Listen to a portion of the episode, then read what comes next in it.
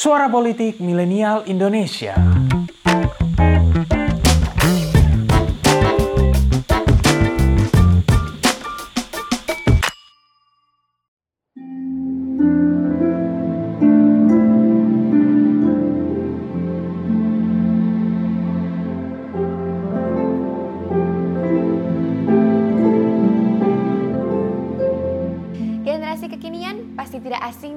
Potongan musik yang barusan tadi.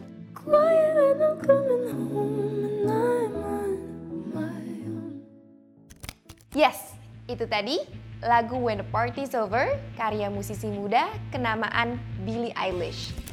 Lagu ini jadi bagian dari album When We All Fall Asleep, Where Did We Go yang merupakan album studio pertama Eilish.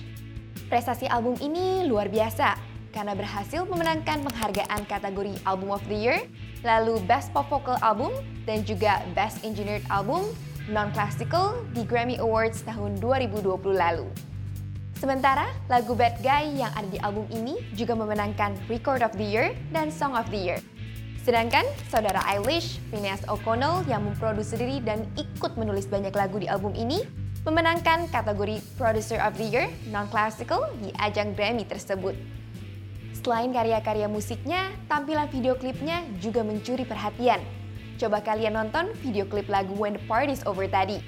Tampilannya tentu sangat artistik. Sementara fashion Billie Eilish juga mencuri perhatian. Dengan gaya ala baggy, rambut yang dicat, dan lain sebagainya membuat penampilan Eilish terkesan anti-mainstream. Tapi tetap enak untuk dilihat.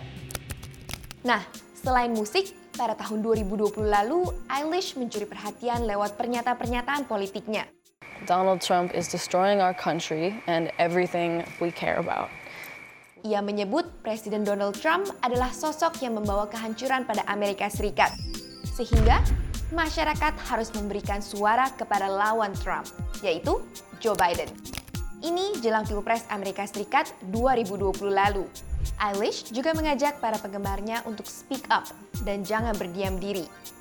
Ia juga ikut meramaikan konvensi nasional Partai Demokrat Amerika Serikat dan menyanyikan lagu My Future yang seolah menyiratkan ajakan agar para penggemarnya memberikan suara dan melawan Trump demi masa depan mereka yang lebih baik.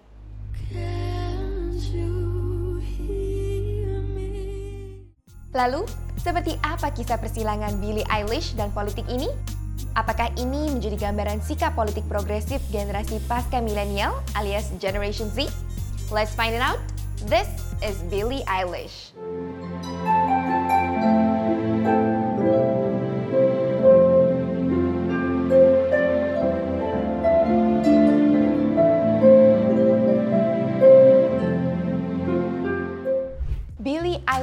Pirate Beard O'Connell. Demikian nama lengkapnya. Merupakan musisi kelahiran Los Angeles, Amerika Serikat, 18 Desember 2001. Sebagai anak kelahiran tahun 2000-an, Eilish mungkin jadi salah satu representasi generasi setelah milenial yang sering disebut sebagai Generation Z alias Gen Z. Ini adalah generasi yang oleh Pew Research Center disebut berisikan anak-anak yang lahir antara tahun 1997 sampai tahun 2012. Periodisasi ini dipilih karena dianggap punya pengalaman-pengalaman formatif yang berbeda-beda. Mereka mengalami perubahan signifikan terkait kemajuan teknologi, perubahan tren sosial ekonomi, hingga perubahan arah politik global, misalnya pasca tragedi 11 September 2001. Periode ini juga mulai ditandai dengan makin masifnya penggunaan handphone dan kemudian berujung pada lahirnya smartphone. Psikolog sekaligus peneliti asal Amerika Serikat, Jean Marie Twenge juga menyebut era ini sebagai iGeneration alias iGen seperti yang ia tulis di bukunya yang berjudul sama. Twenge mengklasifikasikan generasi ini sebagai mereka yang lahir antara tahun 1995 hingga 2012. Nama iGen itu sendiri memang jadi semacam adopsi dari popularitas terminologi iPhone atau iPad yang memang muncul dan menjadi populer di era kelahiran para Gen Z ini. Produk dari Apple itu memang mentransformasi banyak hal sejak kemunculannya. Anyway, sebagai bagian dari Gen Z, Billie Eilish jelas memiliki ciri-ciri yang menjadi representasi dari cara pandang generasinya. Konteksnya menjadi penting karena pada Pilpres AS 2020 lalu, sekitar satu dari 10 pemilih adalah Gen Z.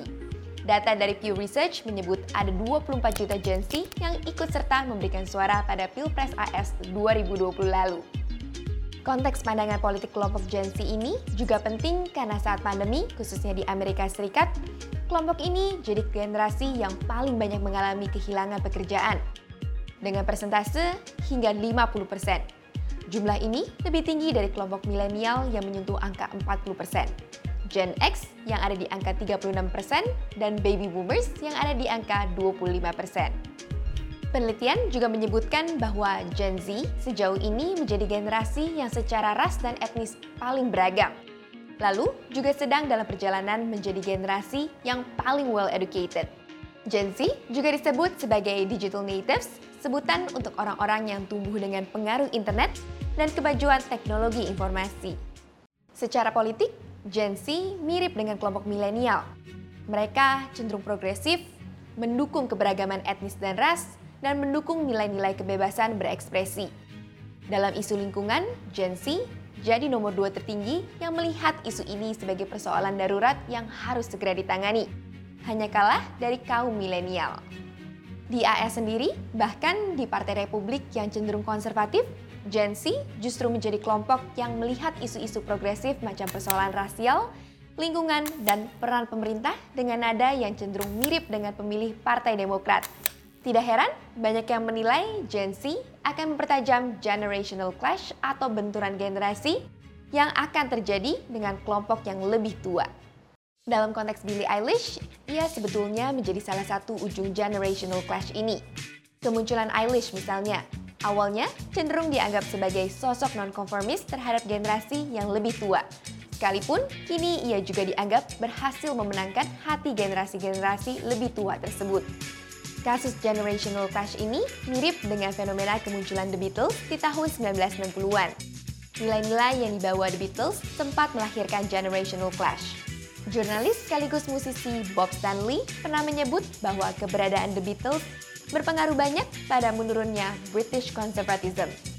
Ia menyebut The Beatles sebagai a final liberation for Britain's teenagers. Mungkin konteks itulah yang terjadi juga dalam kasus Billie Eilish.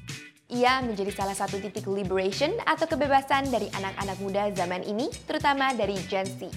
Yang jelas, ia telah menunjukkan contoh bagaimana secara terbuka menunjukkan sikap politiknya di Pilpres AS 2020 lalu. Berani untuk speak up, dan menyatakan pendapat memang sudah selayaknya menjadi warna narasi politik saat ini. Mungkin di sana-sini masih ada pembungkaman, but the party is not over yet. Percayalah, selalu ada corong untuk menyampaikan aspirasi, termasuk lewat musik. Because it is music and it is politics.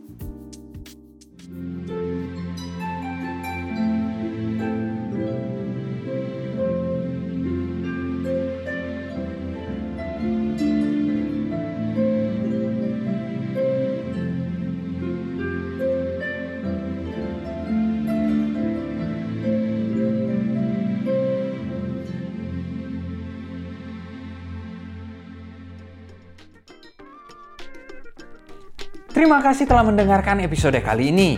Nantikan episode-episode selanjutnya dan jangan lupa untuk kunjungi pinterpolitik.com untuk dapatkan informasi seputar fenomena politik di Indonesia.